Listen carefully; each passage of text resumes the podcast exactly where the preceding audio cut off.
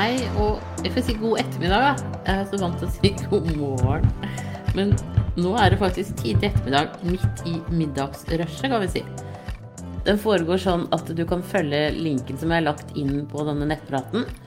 Eh, og så stiller du spørsmålene dine der.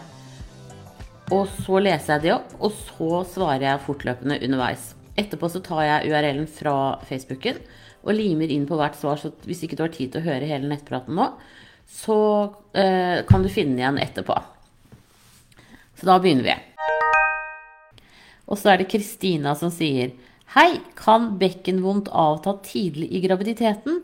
Jeg er i uke 15 med nummer to og har kjent på de samme utfordringene med bekkenet som jeg hadde med førstemann helt fra starten i denne graviditeten. De siste dagene har dette derimot avtatt, sammen med flere andre symptomer. Det eneste som er igjen, er kvalmen, ikke kjent liv ennå.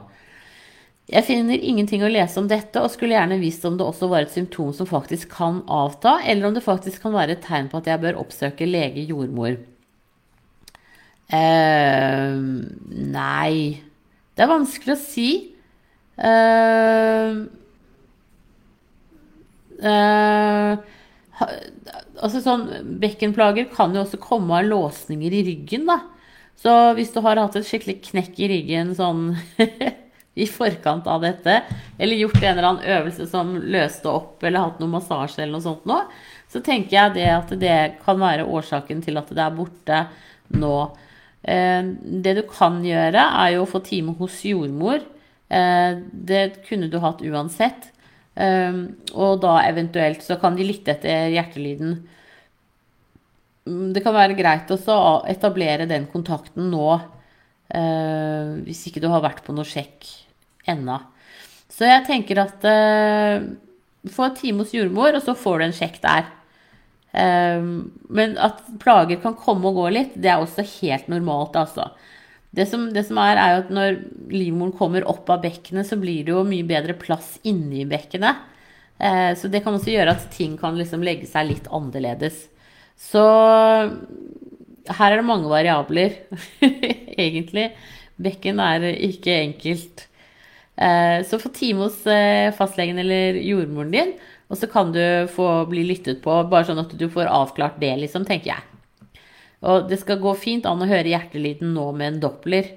Eh, sånn ultralyd-lyttegreie.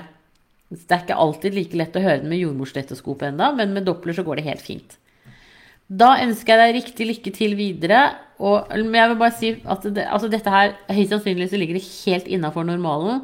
Men det er jo som du ikke sant, skriver, man undrer seg litt, og da kan det jo være greit å ha hørt hjertelyden, sånn at du kan i hvert fall liksom fastsette at jo, jo, det er liv her. Da ønsker jeg deg riktig lykke til videre, og tusen takk for at eh, du følger meg her. Ha det bra. Og så er det vitaminer som sier eh, hei, enda et spørsmål fra meg. Det omhandler vitaminer som gravid. Jeg er nå i uke 39 i morgen. Før jeg ble gravid, tok jeg tran. Og så manglet jeg D-vitamin, som ble oppdaget på kontroll hos lege. Fikk reseptbelagt D-vitamin når jeg var nesten halvveis i svangerskapet. Da måtte jeg slutte på tran. Etter jeg var ferdig med kur for noen uker siden, kunne jeg ta tran igjen, men pga. magen opplevde jeg oppgulp av tran. Begynte med kosttilskudd som heter Gravid fra apoteket. Er det nødvendig å ta de, eller holder det med bare tran etter at jeg har født? Du får samme pakke som heter mamma også, men det er jo svinedyrt. En måneds forbruk betalte jeg 300 kroner for. Så da lurer jeg på om det holder å gå over til tran igjen etter fødselen, eller Omega Multi f.eks., som har multivitaminer og omega i samme kapsel. Det er vel ikke for mye for barnet om jeg ammer. Nei, det høres helt fint ut. Jeg tenker at de øh, kjøp, Altså sånn Det med omega og tran er jo nyttig Eh, og, og, du blir jo også litt tappet for vitaminer når du er i ammeperioden din. Men jeg tenker at eh, Omega Multi, som har vitaminer omega i samme kapsel som du skriver der, det er helt fint, altså. Det trenger ikke å være spesialdesigna for gravide eller for ammende. De skor seg nok litt på det, og jeg er også enig i at 300 kroner er jo rimelig friskt. Så bare, det viktige er at du får i deg vitaminer og tran eller omega-3. Eh, en av delene eh, Altså en av fettkomponentene og så vitaminbiten. Så er det kjempefint. Og også litt det der at du har ligget lavt på D-vitamin tidligere. Og nå går vi inn i vinteren hvor det er litt mindre vitaminer i maten. i alt. Grønnsaker og frukt og sånn er ikke så ferskt, og da har de litt mindre vitaminer i seg også. Så jeg tenker at um, din plan er god. Bare fortsett med den. Da ønsker jeg deg riktig lykke til videre, og tusen takk for at du følger meg her. Ha det bra! Og så er det gravid. Hei, kan man få kullosforgiftning av å bare være ute i forhold til eksosen fra biler? Nei, det kan man ikke. Det går helt fint. Eh, så det trenger du ikke å stresse med i det hele tatt. Eh, da ønsker jeg deg riktig lykke til videre, og tusen takk for at du følger meg her. Ha det bra! Og så er det spotting som sier Hei, Siri, er det vanlig å spotte etter mensen? Jeg hadde mensen i seks dager, og de fire påfølgende dagene har jeg spottet. Har ikke gjort det før. Prøver å bli gravid. Har det noe å si for sjansen for å bli det? Jeg er jo nå på syklusdag ti og venter eggløsning om fire dager. Er redd for at spottingen betyr at livmorslimhinnen ikke har bygget seg nok opp. Sånt er veldig vanskelig å vite, altså. Så jeg tenker at eh, begynn å prøve å lage barn nå. Eh, spreke sædceller lever inntil fem døgn. Eh, og, og, ha samleie nå eh, aller helst hver dag, men i hvert fall annenhver dag. Frem til du er noen dager over eggløsningen. Så si annenhver dag nå i ti dager, da, så, så burde du være innafor. Eh, og så bare Får bare se om den spottingen eh, Jeg tipper at den tar slutt. Eh, men jeg har heller ikke noen sånn god forklaring på det. Noen ganger så kan det tyde på at man er litt sånn hormonelt forstyrret, men uh, ikke nødvendigvis. Og når, du, når, man driver og prøver, så skjer det jo også flere sånne hormonelle ting. Så jeg tenker at det er innafor normalen, men hvis det fortsetter, så kan du jo få sjekket hormonene dine eh, for å se om du kan være lavt på noe. Da er det liksom sånn eh, Ja, nei, vet du, jeg kan ikke nok om spotting. så bare begynn å prøve i denne syklusen, og så ser du hva som skjer. Da ønsker jeg deg riktig lykke til videre, og tusen takk for at du følger meg her. Ha det bra! Og så er det uke 35 som sier Hei, Siri. Har vært veldig heldig hele svangerskapet med lite plager. Er i uke 35 nå og merker nå at det begynner å bli fryktelig tungt og sliter med søvn pga. bekkenet. Regner med at det er bekkenløsning. Gjør fryktelig vondt i symfysen på venstre side. Frøkna ligger med hodet ned og føler at hun er sivet lenger ned, da jeg ikke er så tungpustet lenger. Og så syns jeg det er vanskelig det her med bevegelse. Har en veldig aktiv frøken som jeg føler sover når jeg sover, og frem til frokost. Så er bevegelse nesten hele tiden og hikking to til seks ganger om dagen. Regner med at det kan være at det kan bli noe mindre bevegelse og spark pga. plassen. Gleder meg bare så altfor mye til hun kommer, og er så redd det skal skje noe de siste ukene som jeg ikke legger merke til. Man blir jo litt tullerusk av å gå gravid, merker jeg. Ja, det gjør man jo, og man er jo fullstendig hormonstyrt, litt sånn som du var i puberten. Eh, det er det ingen tvil om. Eh, og selvfølgelig, alle er jo kjempebekymra, eller de fleste. Mange er veldig bekymret i graviditeten, og så særlig når man har kommet så langt som det du har nå. Så det som er viktig for deg nå, det er å følge med på babyens bevegelser, men sånn som pleier, hun pleier å kjennes. Eh, det er på en måte noe som heter mind fetalness, og det handler om at du kjenner din baby. Eh, og sånn som du kjenner din baby, når hun oppfører seg innenfor det mønsteret, sånn som du sier at det, eh, det er litt mindre bevegelse fordi det er trangere, så er det helt logisk. Så alle de tingene der som er logiske, da er det riktig, tenker jeg. Men så kan det jo hende at, at det avviker, at du tenker at liksom, nei, vet du hva, i dag er det annerledes. Og da tenker jeg at da ringer du til sykehuset, og så snakker du med dem.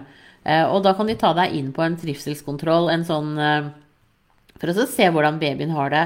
Hvordan babyen reagerer på egne spark og, og med hjerteaktiviteten da. Så øh, jeg tenker at Det som du sier, hun sover om natta. Det er jo, kan du tegne veldig bra for livet utenfor maven også. Uten at jeg selvfølgelig skal love noen ting. Men, men uh, hun har på en måte sitt mønster, og det kjenner du, og det er det som er viktig.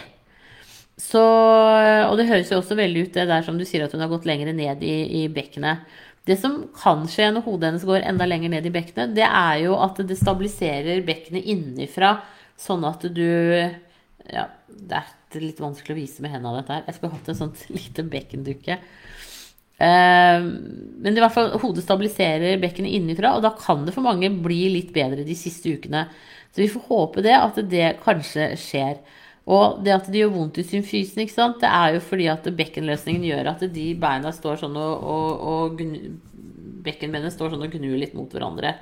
Eh, det er vondt.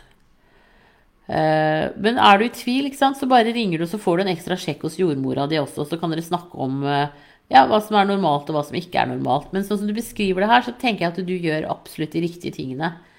Eh, du kan også prøve å, å legge deg oppå At du har en, en, dyne under bekkenet og ekstra dyne i sengen, da, for å se om det kan hjelpe, hjelpe sånn at du sover litt bedre om natten. Men ellers så er det Det er ikke så mye å gjøre så mye med. Du kan ta en tur til eh, fysioterapeut eller manuellterapeut, og så se, eller osteopat, kiropraktor, og så se hvis det er en låsning i bekkenet, så er det klart at da Eh, da kan man gjøre noe med det. Men eh, Men det mm, En bekkenløsning er på en måte sånn som det er litt. Ja, ikke alltid så mye man kan gjøre noe med. Da ønsker jeg deg riktig lykke til videre, og tusen takk for at du følger meg her. Ha det bra! Og da er det Hei som sier Hvordan er det med føde nå? Tenke på koronasituasjonen.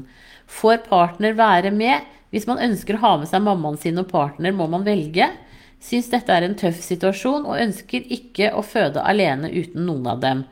Må fødende føde med munnbind? Hva med etterpå når babys er kommet ut? Blir man sendt hjem med en gang med tanken på smitte? Restriksjoner? Nei. Eh, ja, først, ja, du må velge. Du får bare lov å ha med deg én person, så det må du velge.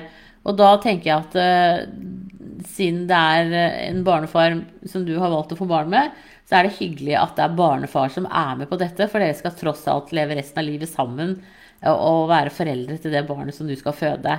Så får eh, mormor være mormor eh, aktivt eh, senere også. nå når det gjelder koronasituasjonen, så er det sånn at Eh, det, fra, det, varierer litt. Altså hvis du skal føde på et lite sykehus, så slipper far fortere inn enn på de store sykehusene, sentralsykehusene. Der er de mye mer restriktive. Og det er jo fordi at der er det mange flere mennesker. Eh, og det er mye mer eh, som blir påvirket dersom covid kommer innenfor dørene. Så hvis du skal føde på et lite sykehus, så tenker jeg at da slipper dere inn sammen relativt raskt. Er det på de store sykehusene, så tenker jeg at da er det lurt å ringe og høre med dem når du begynner eh, i fødsel, og så har du heller en sånn tett dialog underveis eh, med dem, sånn at du eh, er trygg og god. Og så du, kan du komme inn og få en sjekk hvis det viser seg at det da ikke er stor nok åpning til at du får en fødestue. Så kan dere velge da om du vil ned igjen og da være sammen med kjæresten din. Eh, eller om du vil eh, være igjen oppe på, på et sånt venterom. På Ullevål har de et sånt venterom, det har de på flere av de store sentralsykehusene. Eh, hvor før korona så ventet mor og far der sammen, men nå må mor vente alene. Og da tenker jeg at da er det ofte sånn at en, punkt én, du har det bedre hjemme sammen med kjæresten din. Eller, og punkt to, det går an å tasse litt rundt på sykehusområdet Eh, til riene tar seg opp og, og, man eventuelt kan komme inn sammen. Men ha en tett dialog med sykehuset. Eh, og de er der for å hjelpe deg, og de har da full oversikt over hvor god plass det er, og, om hvor fort dere kan komme inn på en fødestue sammen. Eh, og når det gjelder med munnbind, så skal, trenger ikke fødende ha på seg munnbind. Er, alle blir jo koronasjekket, både mor og far. Men er man i tvil om du skulle ha korona, så tar de en hurtigtest på deg. Eh, for å unngå dette med sånn at du må føde med fullt sånn smitteregime. Eh, du blir ikke sendt hjem med en gang. De fleste er i hvert fall to døgn på sykehusene. Og der igjen har du jo fordelen med de små fødeenhetene rundt omkring i landet. Eh, ofte hvis man trenger det, så får man ligge lengre. Eh, så, så, det er eh, et godt argument for å ikke sentralisere fødslene. For det blir eh, fabrikker i større grad. Eh, og det affiserer så mange, mange flere. Det er, det er liksom ulempen med de store avdelingene, sånn sett. Eh, det er klart at det er masse ekspertise der. Eh, så har man en komplisert fødsel, så får man veldig god hjelp, men det gjør man på de små fødestedene også. Eh, da blir man flyttet til de større hvis det oppstår komplikasjoner underveis. Men så, sånn som det er nå, så får dere to dager på barsel, barselhotell sammen.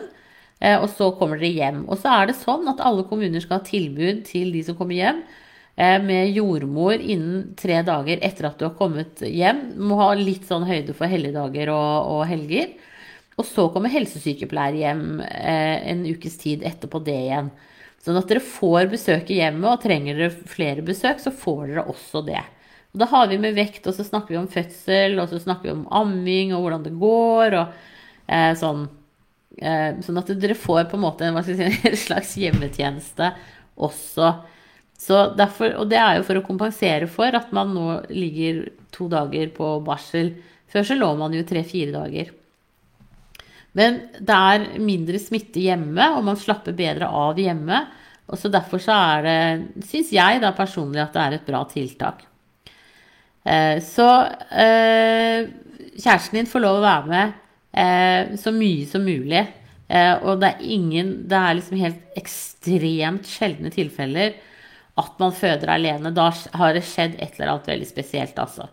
Eh, det Da er det liksom snakk om en helt annen ting. Så vanlige, normale fødsler, eh, da er han alltid med, eller medmor. Da ønsker jeg deg riktig lykke til videre, og tusen takk for at du følger med her. Ha det bra! Og så er det tredje trimester som sier Hei, har tidvis vært plaget med løs og hard avføring. Føler avføringen har vært veldig myk, grøtete i konsistensen den siste tiden og lukter fælt. Avføring én til to ganger om dagen. Ha-ha, sorry for detaljer. Er det normalt at avføringen endrer seg sånn? Redd for toksoplasma eller listeria, kan dette ses på avføring? Nei, det tror jeg ikke du kan. Det er på blodprøver og det at man både listeria og toksoplasmose, så får man vel i hovedsak en uh, infeksjon i kroppen. Um, men det, det, som er at du har noe som heter uh, obstipasjonsdiaré. Og det er at hvis man har veldig treg mage, så vil kroppen ofte uh, slå over i diaré for å mykegjøre avføringen, sånn at man får tømt seg. Uh, og det at når den har vært liksom myk og grøtete i konsistensen, så er vel det på en måte kroppen som da prøver å unngå at du skal bli treg i maven. Og det er når, uh, når man liksom har avføring kanskje to eller tre ganger i uka, så vil den jo lukte mer fordi at uh, den ligger og Her kommer noen gory details fra meg. Litt sånn. Men da ligger den jo liksom mer og, og, og begynner å ikke kompostere, da, men altså den blir liggende og godgjøre seg inn i tarmen din, og det kan jo lukte veldig vondt. Ja, det kan man jo merke etter hvert med barn også. Hvis de har avføring veldig sjeldent, så, så lukter det også mer. Eh, så, men hvis eh, Men føler, hvis du føler deg syk ellers i kroppen, altså at du er at det er noe som ikke er som det skal, så tenker jeg at da syns jeg du skal ta tur til fastlegen din og så snakke med legen og få sjekka om du kan ha en infeksjon. Men ellers så er det, det er mye rart som er normalt når man er gravid. Og så må du tenke litt etter er det noe spesielt du har spist. Eh, noe, har du fått dilla på noe mat nå som på en måte også påvirker avføringen din? Eh, F.eks. plommer kan jo svisker og sånn. Det kan jo gi en, en, løsere avføring. Så er det noe nytt du har introdusert i kostholdet ditt, eh, noe bær, blåbær påvirker avføringen. Så, så, tenk liksom etter det. Men hvis ikke det er noen endringer, og den har blitt veldig sånn rar og lukter fælt, og du ikke har vært i kontakt med noen som har hatt omgangssyke, så tenker jeg at du godt kan ta en tur til fastlegen. Jeg tenker at det ligger innafor normalen, men, men, da kan det jo alltids være greit å, å få sjekka det. Men hvis du nå nettopp har hatt treg mage eh, og får eh, en litt rar avføring, så tenker jeg da er det liksom Da tar det litt tid før tarmen eh, stabiliserer seg. Eh, men passe på å drikke mellom to og tre liter om dagen. Eh, og så eh, se det liksom. Men hvis du får blir urven i kroppen, du får feber, da er det lege med en gang, tenker jeg. Da, for da, da kan det være en infeksjon. Men sånn i utgangspunktet eh, så ligger det, ligger det innafor normalen. Da ønsker jeg deg riktig lykke til videre, og tusen takk for at du følger meg her. Ha det bra! Og så er det usikker som sier Hvor lenge kan baby ligge under babygymmen? Har ei som kan ligge lenge. Studerer, så pleier å sitte rett på siden og leke litt og studere litt om hverandre. Pleier alltid å være på siden av, men gir ikke fullt fokus hele tiden. Lar henne leke alene også.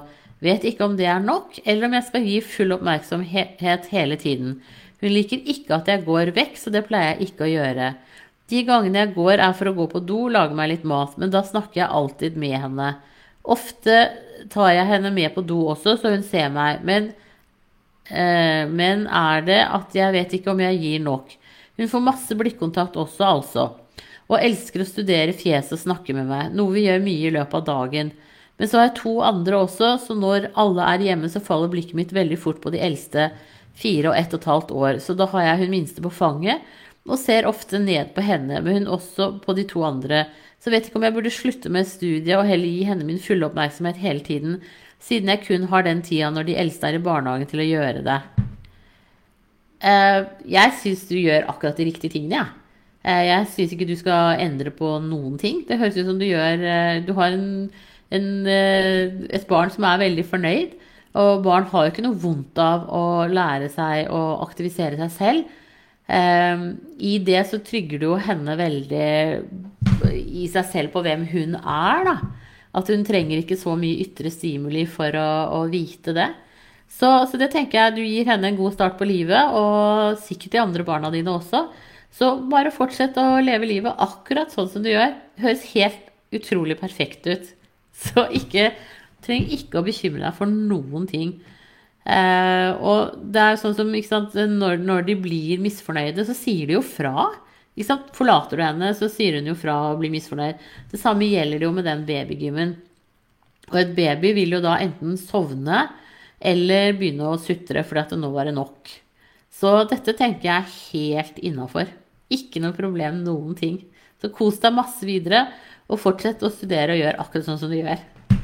Tusen takk for at du følger meg her, og ha en riktig strålende dag videre. Ha det bra! Og så er det førstegangs som sier Hei, Siri. Jeg er i dag i uke 23 pluss 3 og har den siste uken følt ubehag og press nederst i underlivet. Er førstegangsgravid, så vet ikke hva som er normalt, og vet ikke helt hva jeg skal google etter. Føles ut som at det er en stor tampong som er på vei ut, blir verre når jeg står opp. Sitter lenge eller går på do. Når jeg føler med fingrene, så er området mellom kjønnsleppene og låret ømme, hovne og henger ned. Kan trykke dem opp, men synker ned igjen i løpet av 10-15 sekunder. Hva kan det være? Takk for en fin side og podkast. Får lære meg mye der. Ja, men det er hyggelig. Det er målet med denne geskjeften min. Det er jo å dele kunnskapen. Så det er veldig hyggelig. Tusen takk. Det, det, som jeg liksom tenker, det er at du har fått en åreknute. Eh, en, eh, en, en, sånn eh, varise, som det heter på, på god latin. Og det kan ofte kjennes ut som en finger som er litt sånn knudrete. Og stemmer veldig bra med det at du på en måte kan dytte på den, og så kommer den tilbake.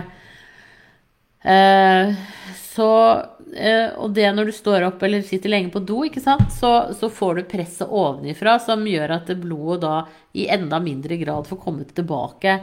Så jeg tenker at jeg syns du skal få time hos fastlegen eller jordmor. Du skal vel på en sjekk nå i uke 24 uansett. Eh, og da kan du ta det opp da, og da kan de eventuelt se på den.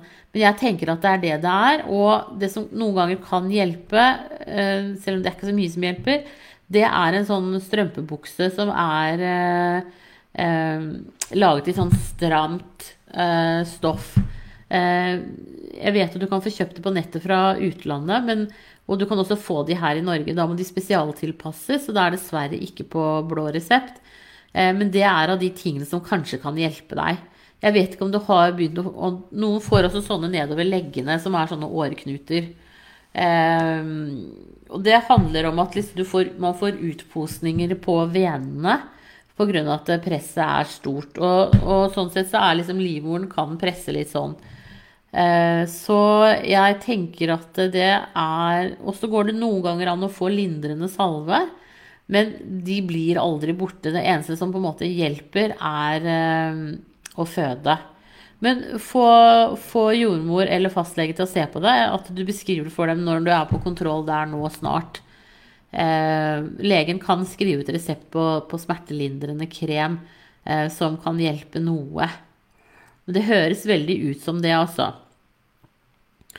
Eh, at det er, det du har. Og jeg tror at hvis du hadde sett med et speil, så kunne du sett at de, de kan jo være litt sånn blå, sånn dypere blåfiolette i farge.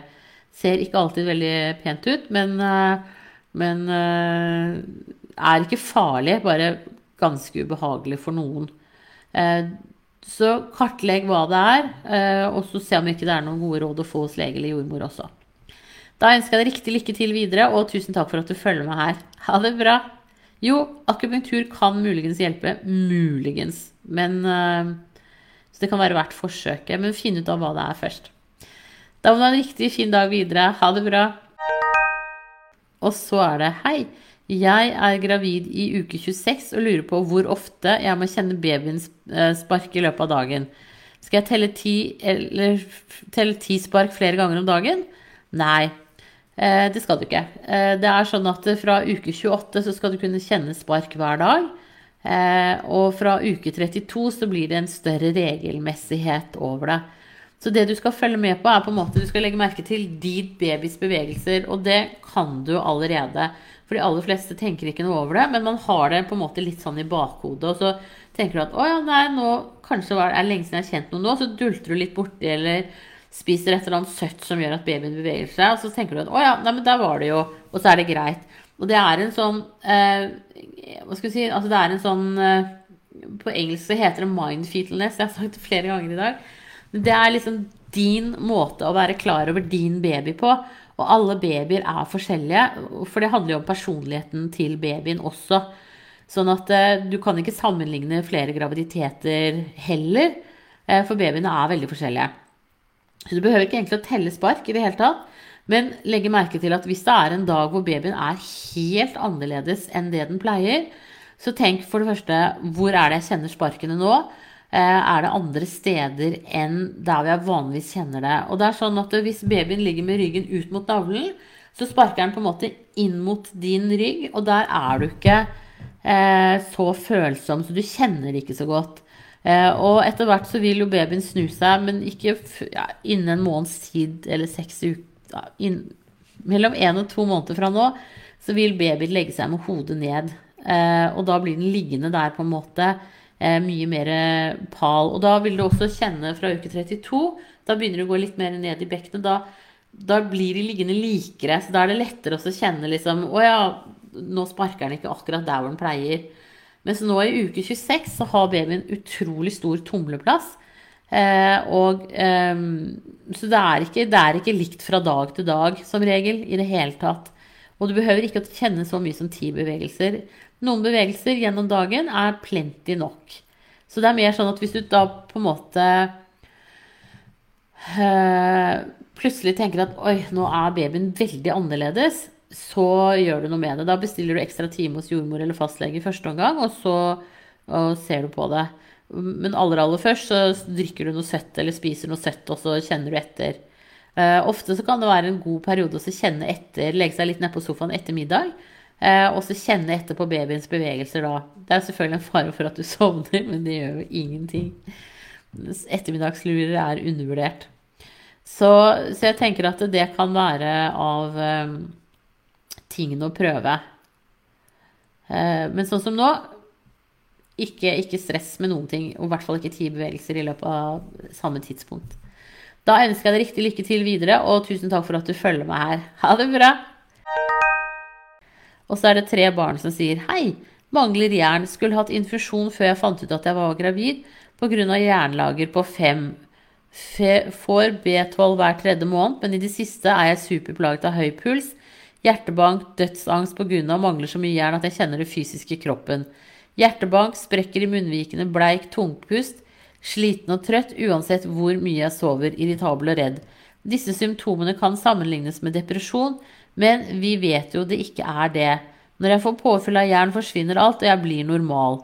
Hva kan jeg gjøre, for jeg er så redd for plutselig bare dø, siden sykepleieren på jobb skremmer meg med at det er farlig å mangle jern. Tar ikke jern nå pga. får grønn avføringen, og magen gjør kjempevondt. Kan man få jerninfusjon? Nå er i uke 24. Tusen takk for svar.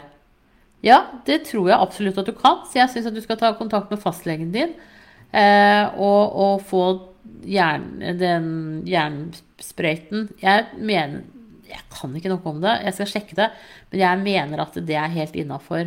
Og så fins det også andre plantebaserte jernsupplementer som kan være gode å ta som du får på, hvis du går på apoteket. Du har eh, Floradix, eh, som er plantebasert, og som du drikker. Eh, og så har du aminojern, som er ikke laget på svineblod, sånn som vanlige jerntabletter er. Sånn at det er også jerntilskudd som du bare burde egentlig ta hver dag. Eh, og så bør du også prøve å få i deg C-vitaminer, fordi det øker eh, øker opptaket av jern i kroppen din. Og supert at du får B12 hver tredje måned, fordi at eh, det også påvirker jo jernopptaket i kroppen. Så eh, det høres jo ikke noe bra ut å ha det så dårlig som du har det nå. Så eh, liksom, det er kjempeålreit at du beskriver alle de symptomene, for jeg har liksom ikke tenkt på det på lenge. Så Gjør det, også, men snakk for time hos fastlegen din nå til uka, og så hør om ikke du kan få en, en jerninfusjon. Eh, I hvert fall. Da ønsker jeg deg riktig lykke til videre, og helt sikkert veldig greit å vite at det ikke egentlig er angst du har, men at du faktisk er lav på jern. Tusen takk for at du følger med her. Ha det bra. Da var det dagens siste spørsmål, ser det ut til. Yes. Så da avslutter jeg denne nettpraten nå. Tusen takk for at dere følger meg her. Det er kjempehyggelig. Eh, og så ses vi om ikke så lenge igjen. Da må dere ha en riktig, riktig god helg. Ha det bra.